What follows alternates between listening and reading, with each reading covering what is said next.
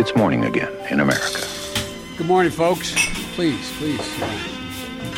Come on, let's go. Let's go get some coffee. Thank you very much. Det er mandag 3. februar. Det er caucus-valgdag i Iowa, og morgenkaffen er servert. Jeg sitter da nok en gang på et hotellrom her i Iowa og har hatt noen meget tekniske dager. Søndag tilbrakte jeg sammen med Pete Buttigieg og Joe Biden, mens lørdagen da ble brukt med Elizabeth Warren, Bernie Sanders og Amy Klobuchar. I natt så vant Kansas City Chiefs eh, Superbowl-finalen mot uh, San Francisco 49ers. Det ble jeg meget glad for. Og under kampen så overrasket president Donald Trump mange med en nokså emosjonell reklame om justisreform. With gratitude. I want to thank President Donald John Trump. Thank you, thank you. Thank you. I'm Donald Trump, and I approve this message. Mike Bloomberg, som ikke driver valgkamp i Iowa, han har imidlertid brukt masse penger på TV-reklame, inkludert mange millioner på å få en reklame på lufta i den samme Superbowl-reklamepausen. Fokuset våpenreform. It is a national crisis. I heard Mike Bloomberg speak. He's been in this fight for so long, he heard mothers crying, so he started fighting. When I heard Mike Les stepping into the ring, I thought, now we have a dog in the fight. I know Mike is not afraid of the gun lobby. They're scared of him. And they should be. Mike's fighting for every child because you have a right to Så live. til eh, dagens eh, saker. Målingen som forsvant. Alle som kan krype og gå som er interessert i amerikansk politikk, ventet i spenning på den siste Iowa-meningsmålingen fra Seltzer og Des Moines Register lørdag kveld.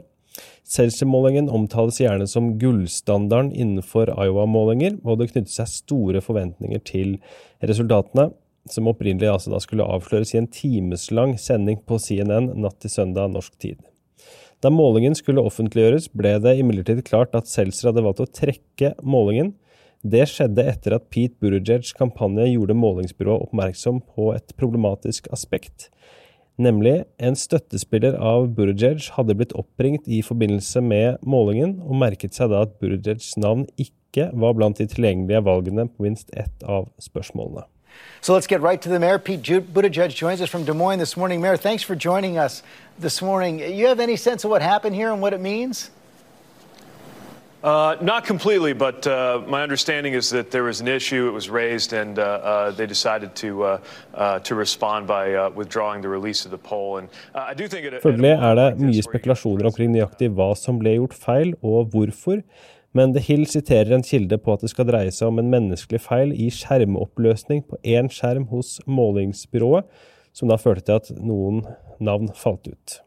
Dette tilsier at feilen ikke skulle ha gjort noen større relativ skade på de totale resultatene, men konspirasjonsteoriene er jo da selvsagt allerede godt i gang med å spres.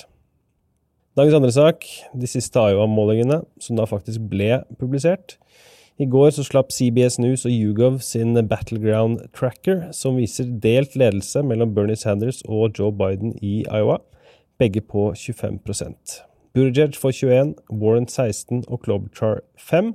Det er ingen andre som kommer over 5% her. Dette er ikke en meningsmåling basert på et representativt utvalg, men et vektet anslag eller en prognose av tidligere data for caucus-valget. Den ferskeste målingen kommer fra Emerson College, kom midnatt norsk tid. De viser som regel svært gode tall for Bernie Sanders, og denne er intet unntak. Selv med tilbakegang beholder han sin store ledelse. Bernie Sanders ligger på 28, tilbake to poeng. Joe Biden på 21, Pete Buttigieg på 15, fram 5, Warren på 14, opp 3, Klobuchar på 11, tilbake 2 og Yang på 5. Det har også kommet en måling fra Data for Progress og Civics som viser et helt annet bilde. Bernie Sanders får 28, opp 4, Warren på 21, opp 2, Buttigieg på 15, tilbake 4, Biden på 15, tilbake 2, og Klobuchar på 8, fram 2, og Yang på 5. Hvis vi ser på 538 sin eh, prognose, så er det så å si dødt løp i vinnersjanse for Bernie Sanders og Joe Biden i Iowa i dag. Med andre ord meget, meget spennende.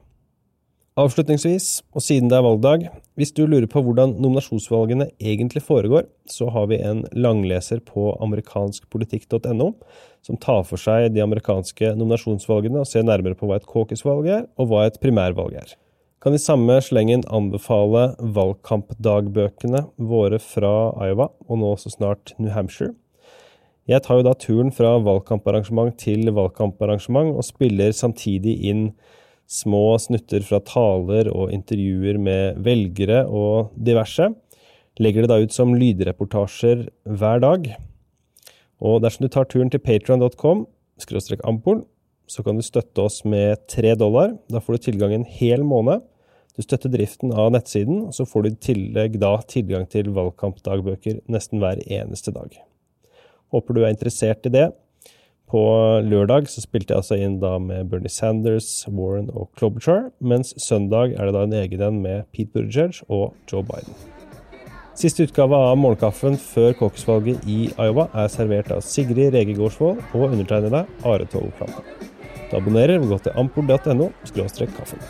Snakkes i morgen tidlig, og da vet vi endelig hvem som har vunnet Iowa.